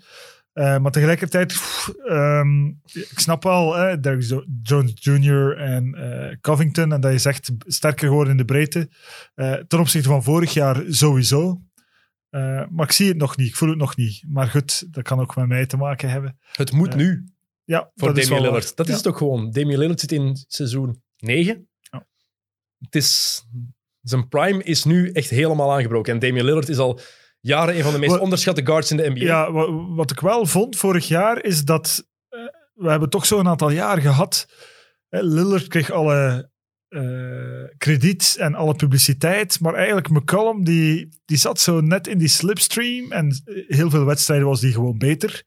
Eh, vorig jaar is de hiërarchie duidelijk gezet, vond ik. Eh, Lillard is echt de superstar waar hij al een aantal jaar voor doorgaat en McCollum speelt daar tweede viool. Mhm. Ehm, dus dat is wel duidelijker geworden. Ik denk dat de ploeg daar ook wel een stukje van mee gaat eh, profiteren. Ehm Stots, geen slecht woord over Stots, nog steeds niet. Maar het is wel zo, wat je zegt, dat, eh, dat het wel nu of nooit is voor dat team. En, dat je anders, ja, en anders moet je eens gaan kijken van moeten we niks anders doen dan eh eh, Lillard McCollum. Lillard is 30. Dat zegt alles. Lillard is 30. Hij moet nu, ja, hij moet nu gewoon gaan. En CJ McCollum heeft gezegd, ik wil defensief verbeteren. Dat gaat toch nodig zijn, denk ik, naast Lillard. Dat McCollum daar nog een tandje kan bijsteken. Ehm Carmelo Anthony was een verrassing voor die ploeg vorig jaar, vond Ja. ik. Heeft het In daar... positieve zin bedoel je? Ja, in heel positieve zin. Hoeveel keer hebben wij hem wel niet afgeschreven? Eh, jij, Veel. Ah, ja, hier, hier die paraplu opentrekken. Ehm dus ik ben... Allee, hangt er vanaf hoe snel Rodney Hood en Collins terugkomen. Maar als je die ploeg bekijkt in de breedte, heb je daar Ja, ja, nee, is waar. echt wel wat rotatie Dan kan, die ook, eigenlijk kan je die ook hoger zetten. En nog één naam die we niet genoemd hebben. De meest aangename verrassing van die ploeg in de bubbel. Yusuf Nurkic. Terug van zijn blessure en die was fantastisch. Ja. Ik zie die sowieso al heel graag spelen. Hoeveel flair die in zijn spel heeft. Hoe positief nonchalant hij is. Het kan hem allemaal geen mooi. zak schelen, maar op een Maar het is goede wel manier. een winnaar, hè? Ja, ook. Ja, hij wil wel winnen. En hij gaat nooit achteruit, dat is ook wel... eh, Kijk, je, Cool. vindt Portland al iets leuker dan, dan drie minuten geleden. ja, maar ze staan goed op vijf. Toch goed? Niet lager? Eh, pff, ja, daar staat Utah en die zijn... Het is, ik, ik zei het, het is quasi onmogelijk. Ja. Misschien buiten de top 4. Op 4, de Dallas Mavericks. Waar we allebei wel een zwak voor hebben, denk ik, als eh Luca-fanboys. Vorig seizoen 43-32 verloren in de eerste ronde van de Clippers. Volgens Vegas gaan ze 42,5 matchen winnen. Afscheid genomen van Seth Curry, DeLon Wright, Justin Jackson, Michael Kidd-Gilchrist, Antonius Cleveland, heb zo'n achternaam, en JJ Barea. Ehm, nieuw Josh Richardson, James Johnson, Wesley Iwundu, Nate Hinton, dat is een rookie. James Johnson heb ik al gezegd. Josh Green, de 18e pick uit Arizona. Tyler Terry, 31e pick uit Stanford. Als ik Bill Simmons moet geloven, is dat de steal van de draft. Ik heb hem nooit zien spelen, dus ik heb geen idee van. Tyler Bay, de 36e pick uit Colorado. Ze hebben Willie Cauley-Stein laten bijtekenen voor twee jaar. Ehm, Trey Burke voor drie. JJ Barea voor één. Om hem dan te waven, om te zeggen van, kijk, toch nog één Cadeautje. ja, echt een, een afscheidspremie. Ik vind dat heel mooi en dat past perfect bij Mark Cuban, hoe die geworden is de laatste jaren. Ik vind dat prachtig. Eh verwachte starting five, Luka Doncic, Josh Richardson, Tim Hardaway Jr., Dorian Finney-Smith en Dwight Powell, want Christophe Porzingis is nog altijd aan het eh, herstellen van, Van die gescheurde meniscus. meniscus. Six-man, Maxi Kleber en coach is nog altijd Rick Carlisle. Ehm, Deze ploeg is defensief fel verbeterd doordat Richardson daarbij is gekomen. Maar Porzingis is nog altijd geblesseerd. Wel, daar gaat het een beetje van afhangen. Ja, en Powell wil ik er nog even bij zeggen. Dwight Powell, ik heb hem nu in de starting five gezet. Maar hij komt ook terug van een Achillespeesblessure. Heeft hij afgescheurd in januari, Ja, elf maanden later. Jij als deskundige. Ik ben helemaal... Maar is ik kijk alleen maar de track records van mensen die een Achillespeesblessure hebben, eh, Achillespees Eh, hebben afgescheurd. Nee, nee, klopt. En het gaat toch ook een stuk afhangen van eh, wanneer Porzingis gaat terug zijn. Want eh, wat hij vorig jaar terug laten zien heeft, daar werden we toch allemaal blij van. Hè? Want we hadden wel wat vraagtekens, maar dan opnieuw gekwetst. Ja, dat is eh, een of his moeilijke... life, hè? Ja, en, en, en het hangt ook wel een stukje samen met, met, met eh, waar Dallas gaat eindigen dit jaar. Eh, net als de gezondheid van Luca, hè. Eh, eh, die ook toch wel een aantal probleempjes gekend heeft. Maar die Eh, door zijn blessure speelt. Hebben we gezien. Slaat zijn ja, voet om. Ik weet niet of dat verder. zo slim is. Natuurlijk in de playoffs verstaan we dat wel. Eh heeft ook zijn beste wedstrijd ooit gespeeld op een, eh, op een blessure. Die game winner. Oh, oh, die, die hele wedstrijd. oh, man. Eh, dus ja, hele moeilijke. Ik, ik weet niet of ik ze zo hoog zou zetten eigenlijk. Ik weet het zelf ook niet of ik ze zo hoog wel terecht zo hoog zou zou Wat zetten. weet je eigenlijk wel vandaag? Nummer 1 nummer één en 2 Ja, nummer 1 weet ik ook zeker. Eh, Nee, maar dus dit, is gewoon, dit is gewoon de impact van Luca, voor mij. ja, Dit is gewoon Luca Doncic. In zijn tweede jaar heeft hij zich geprofileerd als MVP-kandidaat. Ja. In zijn derde jaar gaat hij volgens mij nog een stap erbij zetten. En als hij nog een stap zet, dan... Maar daarvoor heeft hij echt wel, eh, om dat resultaat te boeken, heeft hij echt wel Porzingis nodig. Los van de individuele prestaties, eh, met het roster dat ze vandaag hebben, heeft hij Porzingis Nochtans nodig. was de, de, de samenwerking ehm Porzingis-Doncic minder goed dan de samenwerking Powell-Doncic. Die vonden elkaar veel beter. Het was een veel betere symbiose. Dus als Powell Ja, maar effectief je- gezond terugkomt... Ja, maar je hebt, echt wel, ja, je hebt echt wel die tweede scorer nodig.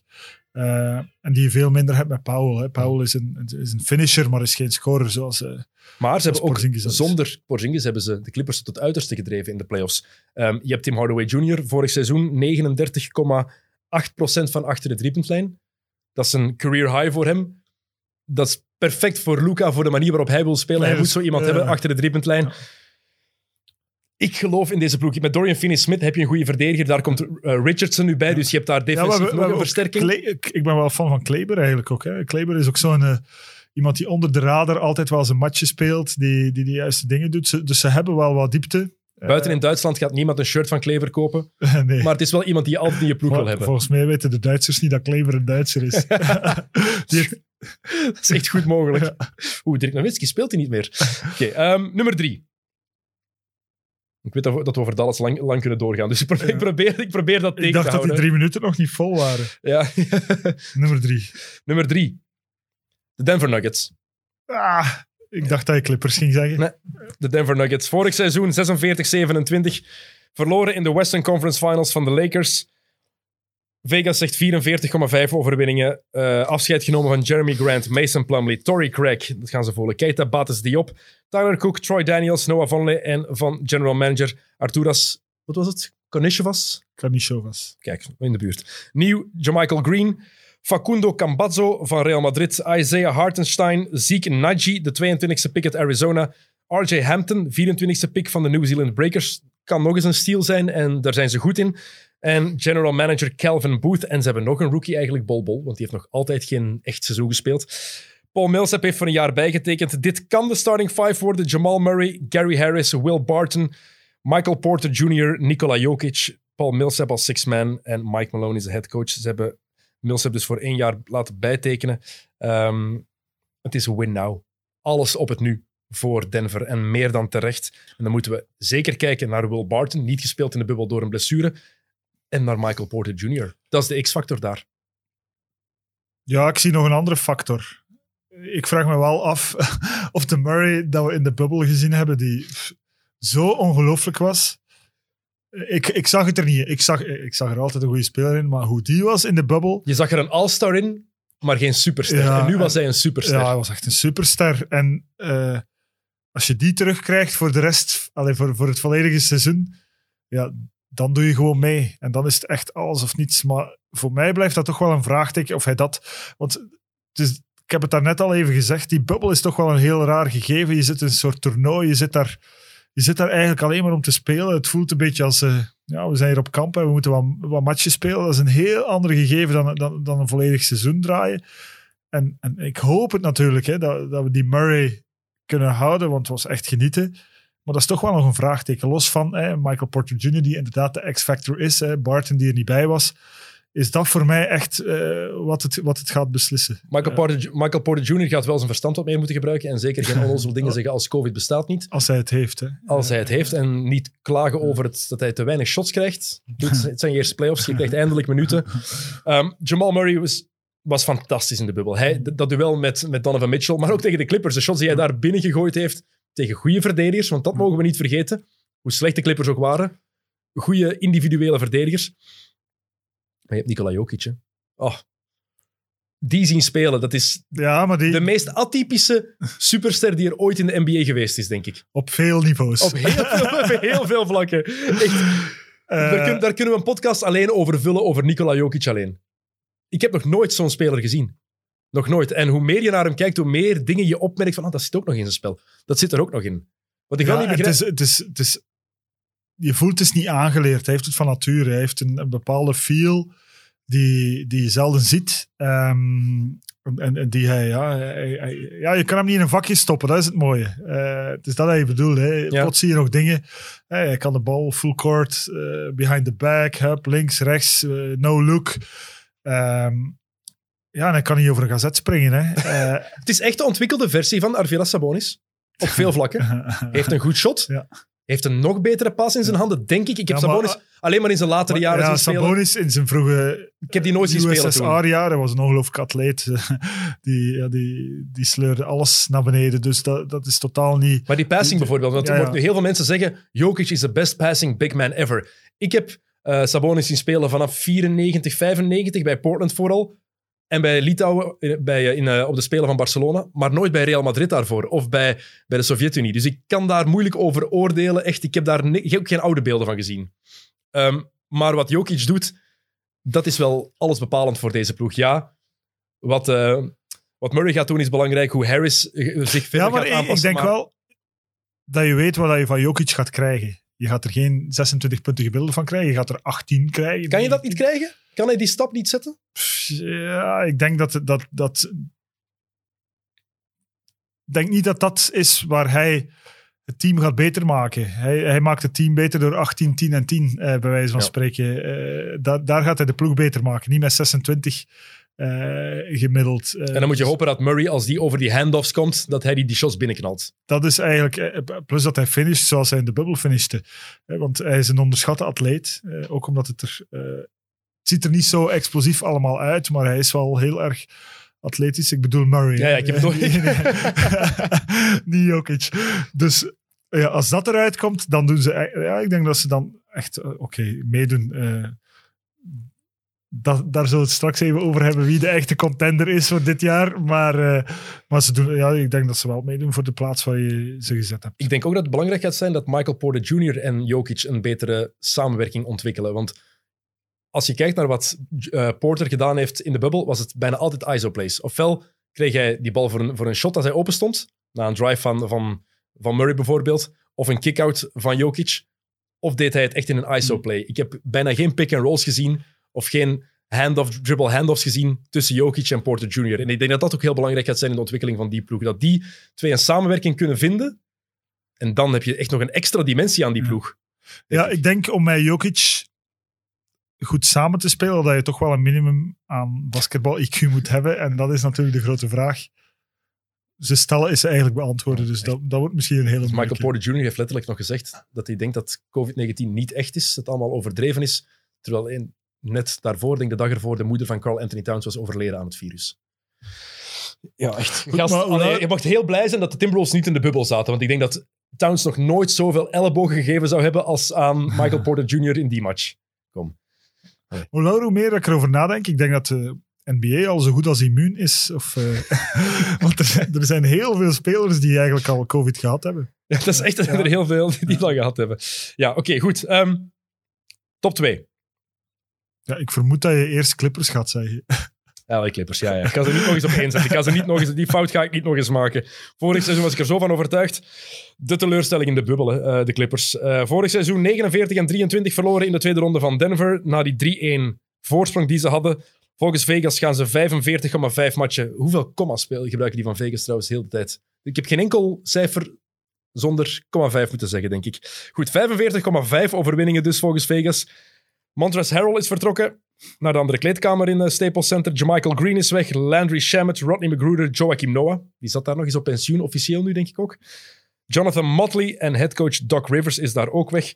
Nieuw, Sergi Baca, Luke Kennard, Nicola Batum. Die is een oude botten binnengehaald. Kai Bauman, Daniel Oturu gedraft. Jay Scrub gedraft. Ray John Tucker. En dan hebben ze Tyron Lue promotie gegeven. Headcoach. Ik weet dat ik tegen... Misschien moeten we daarover, daarmee beginnen. Ga je eerst starting five Ja? Oké, dat mag nog. Eh, Patrick Beverly, Paul George, Kawhi Leonard, Marcus Morris. Marcus Morris. Contractverlenging, vier jaar, 64 miljoen. Belachelijk. Ehm, Ivica Zubac en dan Sergi Baca als sixth man. Oké, Tyron Lue. The floor is yours. Ja, dat gaat het niet worden, hè. Kampioenencoach, Thomas. Ja, ik ook met die ploeg. maar eh, nee, ik snap het niet helemaal. Eh, Je doet een paar goede dingen. Ik denk dat je... eh, Je verliest Harold, maar je haalt die Bakka. Echt niet te onderschatten. Beter. Ibaka had een fantastisch seizoen vorig jaar. Plus, je, je haalt toch wel eh, heel veel defense en rim protection binnen, die je met Harold niet had. Waar dat Harold een betere scorer is.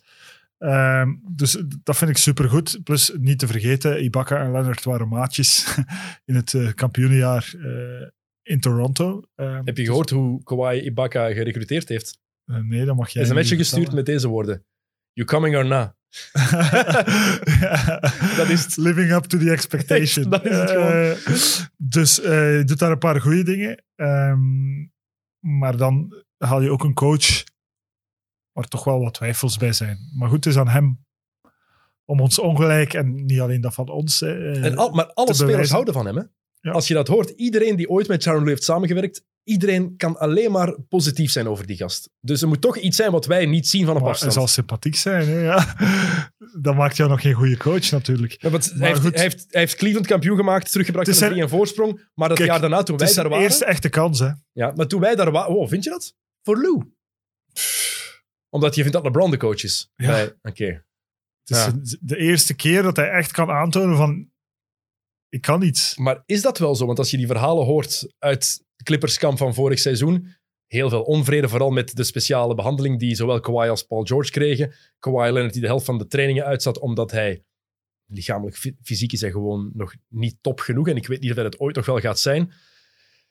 Hoe gaat Tyron Lue dat oplossen? Vraag ik me echt af, want ze hebben serieuze problemen ehm, gehad. De chemistry is... Dat is echt wel belangrijk in een ploeg. Ja, die was moeilijk. Dat is het Eh, minste. En dat is, ook- dat is het grootste vraagteken, is Paul, is Paul George. Eh, Ze hebben hem net zijn contractverlenging gegeven, ja, maar vijf ik, jaar. ja, maar het vraagteken is eh, de Paul George van twee jaar geleden, die bijna 30 punten gemiddeld De scoorde. MVP-kandidaat. Ja, te- tegenover de Paul George van vorig jaar, die echt een, niet van slechte wil was, voor alle duidelijkheid, maar vooral constant zoekende was.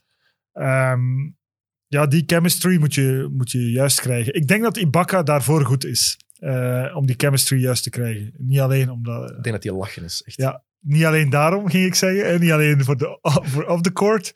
Maar ook gewoon on the court. Dat is gewoon iemand die, die, die, die, die dat evenwicht eh, veel meer gaat herstellen. Die ruimte gaat maken. Veel meer dan dat Harold dat Ja, deed. het is een driepuntshotter Ehm, zelfs vaak. Hè? Dus dat, dat, dat gaat wel passen bij, bij, ehm, bij Paul George eh, zijn speelstijl. Alleen moet je die, die tandem George-Leonard, die moet je juist krijgen. En dat is niet evident. Ook al omdat je daar met Lou Williams nog altijd met iemand zit. Maar die gaan ze toch traden? Lou Williams is toch niet... Het is de slechtste playoff-speler van de laatste twintig jaar. Goed, is zo goed in het reguliere je- seizoen en dan komen de wel. playoffs en dan- Ja, maar hij redt je wel in heel veel wedstrijden in, de- in het regular season die je ook moet winnen. Dus, eh, Dus eigenlijk gewoon waven net voor de playoffs. of gewoon eh, uitzitten. Eh, vanaf nu mag je niet meer meedoen. Oké, een paar dingen. Drie minuten zijn al lang verstreken. Nog een paar dingen snel zeggen. Vorig seizoen nooit helemaal fit geweest. Belangrijke kanttekening als team. Ehm, maar dan natuurlijk, ja, Kawhi Leonard. Dat gaat hij dezelfde behandeling krijgen? Gaat hij opnieuw de dingen mogen die hij vorig jaar mocht? Gewoon trainingen overslaan, zelfs niet aanwezig moeten zijn, te laat komen als het vliegtuig moet vertrekken, dat het vliegtuig een half uur op hem staat te wachten gewoon voor ze weg moeten. Welke Kawhi gaan we zien? Want als je kijkt die serie tegen Denver, de laatste matchen zag hij er fysiek niet goed meer uit. Dat was heel wat minder dan daarvoor. In de eerste ronde tegen Dallas, ik heb toen nog, denk ik, nog getweet, Kawhi is de beste playoff-speler in de NBA. En ik was daar ook heilig van overtuigd. En dan zie je tegen Denver ineens vanaf match 4 een totaal andere speler. Je zag ook echt dat hij fysiek terug last had. Hoe gaat dat zijn? Kan hij nog wel een volledig seizoen echt spelen? En dan Paul George. Mr. Excuses. Pandemic P, Playoff P, hoe je hem ook wil noemen. Ehm, heeft alles op Doc Rivers gestoken. In zijn laatste interviews, in al de, al de Smoke podcast met eh, Matt Barnes onder andere. Dan begint hij te zeggen, ja, hij wilde mij gebruiken als Ray Allen. Als een soort Reggie Miller over screens komen. Hij heeft nog nooit in zijn carrière zoveel pick-and-rolls gehad. nog nooit in zijn carrière. Hij heeft 10% meer pick-and-rolls gehad als in zijn meest, jaar met het meeste aantal. Goed, dus dat is niet waar. En tweede ding, Paul George. Het is niet de schuld van Doc Rivers of van iemand anders dat je tegen de zijkant van het bord gooit. Game 7 tegen Denver. Zijkant van het bord. Thomas, laat, laat ons nu wel hem het voordeel van de twijfel geven. zijkant van het wel- bord. Ja. Dat ga jij zelfs niet doen, hè? Nu. Boah. Nu. Zijkant van het bord. Boah. Maar, ik weet, eh, maar voor iemand, voor iemand met de kwaliteiten van Paul George is dat gewoon niet aanvaardbaar. Daarom dat ik daar zo op doorga. Die gast is te goed om, dat, om zo te spelen. heeft ook een blessure gehad die potentieel career-ending was. Daar is hij volledig doorgekomen. Hij is Absoluut. bijna MVP geworden. Absoluut. Laat hem ons nu voor dit jaar nog even het voordeel van de twijfel geven. Ik boei me daarin op omdat ik die zo om goed tweede te worden. Maar ik boei me daarin op omdat dat zo'n goede speler is, hè, Thomas. Als, die, als, dat een, als het Mario Hezonja was, had ik daar niks over gezegd. Hè? Snap ik. Dus daar, dat is het punt net. We weten wat hij kan. Ja. En vorig jaar, we dachten, ik was er zo van overtuigd. Dit is, jij, jij bent Maar het, pro-Lakers. gaat niet, maar het gaat niet gebeuren met Tyron Lue. Dus hij kan dan alles op Tyron Lue steken. dat zou, het zou, heel, zou wel typisch zijn. Ja. Dus wat moet er daar veranderen dan? Nu al. Ik zet ze op twee in het westen, maar wat moet er dan veranderen? Maar je bij moet die ze op, ploeg? twee- puur op basis van, van personeel moet je ze op twee zetten. Je kan bijna niet anders. Ehm, alhoewel, als ik nu, nu ik erover nadenk. Verbeter me, alsjeblieft. Ehm, maar wat, wat daar moet veranderen. Ehm, een hele moeilijke. Ik denk dat ze met Ibaka wel al iets gedaan hebben. Eh, dus ja, laat ons gewoon even afwachten Marcus en zien Morris, wat het geeft. snap je dat contract? Nee. Ik weet, ik, weet dus, ik ben niet pro-Morris-broertjes, maar jij bent nog minder fan van die twee dan ik. We hebben het daarnet over Michael Porter Jr. gehad. Ze mogen, ze mogen aanschuiven. hey, een van de Morris-broertjes heeft hem een titel bezorgd. Want op één, op nummer één, met voorsprong, met stip, met duizend stippen, de titelverdediger de Los Angeles Lakers. Vorig seizoen 52 en 19, NBA-kampioen. Volgens Vegas gaan ze 46,5 matchen winnen van de 72. Snap ik, want LeBron James, wat gaat hij die eerste maanden doen? Heeft al letterlijk gezegd, daarom hebben we Anthony Davis, zodat ik het op dode gemakje kan doen in het begin. Danny Green is vertrokken, JaVale McGee is vertrokken, Avery Bradley, Ray John Rondo, Dwight Howard, Quinn Cook, Dion Waiters en J.R. Smith. Echt, als je dat, dat lijstje alleen aan al. Dion Waiters, J.R. Smith, Dwight Howard, Rondo, McGee. Nieuw, Montrezl Harrell, Marc Gasol, Wesley Matthews, Dennis Schreuder, Alfonso McKinney. Wat een, wat een off winnaars van het offseason LA Lakers. Verwachte starting five: LeBron James, Kentavious Caldwell Pope, Wes Matthews, Anthony Davis, Marc Gasol, six-man Dennis Schreuder. Ook al heeft hij zelf gezegd dat hij wil starten. Gaat niet gebeuren, denk ik. Headcoach Frank Vogel. MVP van het eh, tussenseizoen Rob Pelinka, denk ik. Hè? Als je, als je... Come on. ben, je- ben je serieus of niet? je moet het dan wel geven. Dat hij heel goed kan samenwerken met Clutch Sports. Dat moet ik hem inderdaad geven. Dat is toch fantastisch Dat geregeld. is fantastisch geregeld, maar hij is niet... Hè? Kijk, je speelt kampioen en, en, en je creëert eigenlijk, na dat eerste kampioenjaar, cre- creëer je nu een team waarvan je moet zeggen, het wordt een dynasty. Eigenlijk, als je dit ziet, ja, dan kan je er bijna niet rond dat, ze in theorie vertrokken moeten zijn voor nog een aantal titels. Eh, Maar alles hangt... Ja, ja, in theorie. Maar LeBron James wordt... De 30ste december wordt hij er 36. Het is nog nooit iemand geweest die Father Time heeft verslaan, verslagen. Tom Brady is daar in de NFL heel goed mee bezig. Hoe oud is maar hij? 42? Is, is LeBron compleet bezig? anders. Ja, maar dat, dat Ja. wil- daar, daar ging ik naartoe. Ja. LeBron is daar enorm mee bezig. Maar met hoeveel Tom Brady is een hele... Wat die moet Maar doen, oké, die. Dynasty zijn Hoe- geen zes titels meer. Nee, maar Dynasty die- zijn twee of drie, eh, drie titels. Ga- Kom. gaat LeBron dat opnieuw een jaar volhouden? Zeker 71 dagen maar tussen de twee seizoenen. Heeft 9 van de laatste 10 NBA Finals gehaald. Dat zijn 100 matchen op een seizoen. Ja, heeft hij al ooit enige teken gegeven van verzwakking? Vorig jaar heeft hij die blessure... Nee, wat is het? Ja, vorig jaar is het officieel nog, maar het seizoen 2018-19 heeft hij die blessure gehad. En hij heeft in zijn eerste Toen periode bij Cleveland ja. die ehm, elleboogblessure gehad. Dat is het. Krampen. Af en toe heeft hij krampen. Niet genoeg gedronken. Ja, dat is, Eh, het is te warm in de zaal. Dat is voor de rest... pff, Goed, maar het is toch wel, het is toch wel een heel, heel erg straf tussenseizoen geweest. Eh, Want vorig seizoen zeiden wij allebei twee namen die tellen hier. Anthony Davis en LeBron James. Ik vind dat nog altijd. Maar als je dan kijkt wat er nog bij is gekomen... maar kijk, je haalt, je haalt met, eh met Schreuder een speler die, wij, die elk team zou willen. Je haalt met We- Wes Matthews ook een starter. Eh, je haalt Gasol daarbij, die, die toch wel wat oplossingen biedt. Je hebt vooral een- met Gasol een playmaker erbij. Want defensief, het is niet meer de Gasol... Het is niet meer de Gasol die we gezien hebben bij Memphis. Dat kan hij allemaal niet meer. Maar we hebben wel bij Toronto gezien dat hij zijn rol nog kan hebben. Zijn shot is minder geworden, opnieuw, of terugverminderd moet ik zeggen. Maar het is wel een nieuwe spelverdeler die je daarbij hebt. Top of the key. ja. Je kan daar zoveel mee doen. en je haalt Harold, die, was, die, die iedereen ook wilde. Dus ja, Want we waren negatief over Harold daarnet toen we over de Clippers praten. Maar we moeten eerlijk Maar ik, zeggen... ben, ik ben niet negatief. Hè. Ik zeg gewoon, het is, een, het is een, een betere match voor de Clippers om Ibaka te hebben in dit seizoen dan om Harold te hebben. En Harold was in de bubbel ook gewoon niet goed. Dat Nee, zal hij zelf maar- ook wel maar weten. goed, en da- daar zitten allemaal niet- redenen ja. achter. Hè? Grootmoeder verloren. Hij kon pas, laat, kon pas laat komen aansluiten. heeft allemaal... Er zijn, Daarom ben jij er, Dennis. Er zijn- er zijn redenen voor- allemaal te kennen. maar er zijn redenen voor Maar- waarom Harold minder speelde. Maar, in het reguliere Harold in een regular season, ja, die, die wil je toch altijd, want dat is gewoon, ja, dat is gewoon eh, een garantie. Ehm, dus pff, ja, die Lakers, eh, Pure energy van de bank. waar we vorig jaar nog echt telkens naar die statline van LeBron en Anthony Davis. Eh, Elke morgen werd ik wakker en dat waren eigenlijk de enige twee statlines die ik checkte. En ook Kuzma, omdat ik wel eh Kyle Kuzma een beetje fan, altijd fan ben geweest. Eh, De meest overschatte speler van de NBA. Kyle Kuzma. maar Ja. oké, hij, komt, hij komt van een goed college. En, en, en nu gaan we gewoon naar heel dat team moeten kijken. En gaan we moeten zeggen van, oké, dat is gewoon geen one-two punch, maar daar, daar zit zoveel meer in. Dus, eh, Ik denk de enige vraag die we ons hier moeten stellen is hoe lang gaat het duren voor LeBron effectief gaat spelen? Gaat Anthony Davis van het begin al spelen of niet? Want ze hebben twee maanden break. En voetballers zeggen dan vaak, twee maanden! Dat is, dat is veel, dat is lang. Het is moeilijk te vergelijken. Zeker als je weet hoe dat seizoen in elkaar zit. In die bubbel, hoe dat ook op elkaar volgde. maar ik denk Om de, ook- dag, om de dag een match. Ja, tegelijkertijd. Ik denk dat dat genoeg is. Eh, Maar genoeg om nummer één te worden in het reguliere seizoen opnieuw? Ja.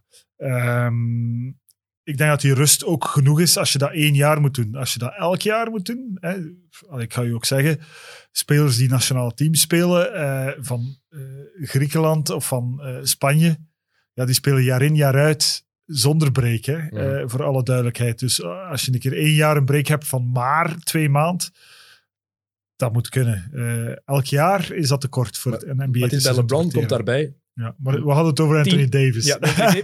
Maar Anthony Davis, Maar- daar maak ik me dan vooral zorgen over, omdat we weten, blessuregevoelig. Ja. Vorig jaar is dat binnen de perken gebleven. Ja. Het gaat een heel vreemd seizoen worden. We gaan ook niet weten hoeveel besmettingen gaan er bij bepaalde ploegen zijn. Dat gaat allemaal gevolgen hebben. Wat gaat er nog veranderen? Gaat er een lockdown komen in de VS? Want er komt een andere president. Er, ik- niemand, dat kunnen we allemaal niet voorspellen. We gaan ervan uit hier... Deze voorspellingen de zijn enige- gemaakt zonder rekening te De houden. enige zekerheid die we hebben is dat jouw voorspellingen echt op niks trekken. maar Wauw, echt Thomas. Pijn. Doet maar, pijn. eh, maar de Lakers die zijn juist. De Lakers heb ik toch juist. Ah, bedankt. En OKC heb ik ook juist. Kijk, dus Voilà. nummer 15 en nummer 1 kan ik juist hebben. Ehm, ja, het is de MVP's van het offseason. Ja, sowieso. De Lakers met voorsprong. Ehm, en je hebt natuurlijk Alex Caruso ook nog. De favoriete speler van elke Laker-fan. Behalve van mij. Val van, jij, jij, jij, echt Kuzma boven Caruso. Altijd. Allee, Thomas. Dat is erg. Oké, goed. We zijn er door. Ja. Alle 30. En dan moet ik jou traditioneel vragen. Conference Finals. Op, met de ploegen zoals ze nu zijn. Wat we nu weten. East-West. Conference Finals. Ik heb er zelf ook nog niet over nagedacht, moet ik eerlijk zeggen. Echt een moeilijke, ja. Ja? Eh, eh, maar ik ben aan het oosten aan het denken. Het westen is iets makkelijker, denk ik. Het westen zeg ik nog eens Lakers Clippers. En Ik zeg- hopelijk krijgen we die ook eindelijk. Lakers Nuggets. Oh. En, Nog eh, eens. Ja, replay. waarom niet? Mooi. Hey, top, doe maar. eh, Lakers Clippers lijkt me iets te makkelijk. ja, waarschijnlijk. Eh, wie hadden ik ga vaak voor gemakkelijke. In het oosten. In het westen. Eh, Dallas had ik op vier. En Nee, dan, ik Portland, voor- Utah, Nee. Phoenix. Dan ga ik voor Lakers Nuggets. Oké. En eh Tyron Lue krijgt het niet op orde bij de Clippers. Eh, En eh, in het oosten... Zeg nog eens de top 4 in het oosten. Milwaukee, Brooklyn, Miami, Philadelphia, daaronder Boston, Toronto. Willen we niet eigenlijk allemaal heimelijk gewoon, of niet heimelijk, gewoon een Brooklyn, Miami? Ja. Ik denk. Hmm. Shit, man. moeilijk. Godverdikke. Philadelphia, ik durf het niet meer zeggen. Hè. Echt, ik wil ergens... In mijn, mijn hoofd zit Philadelphia, Philadelphia, maar ik durf het niet zeggen. Ehm, dus... ehm goh. Miami, Boston opnieuw. Zie ik nog wel Dat was mijn tweede... Dat was Miami, mijn Boston tweede opnieuw. Oké, goed. keuze. Thomas, bedankt voor je vier uur tijd. voor al mijn expertise. Al je expertise. Absoluut, absoluut. Daarom zat je hier. Ehm, maar ik denk wel dat het back-to-back gaat zijn voor de Lakers. ja, dat denken we allemaal. Ja. Dat weten we eigenlijk al allemaal. Oh, hier. Eh, De maar- fanboy komt boven. Allee, Laker. Nation. Goed, Thomas, dikke merci. Eh, bedankt u voor het luisteren, dames en heren.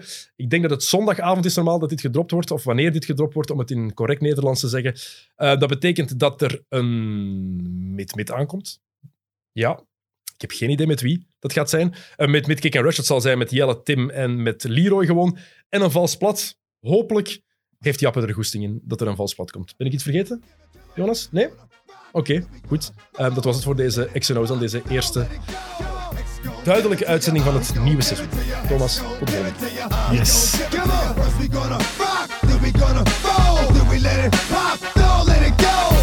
Gon' give it to ya, he gon' give it to ya. X gon' give it to ya, he gon' give it to ya.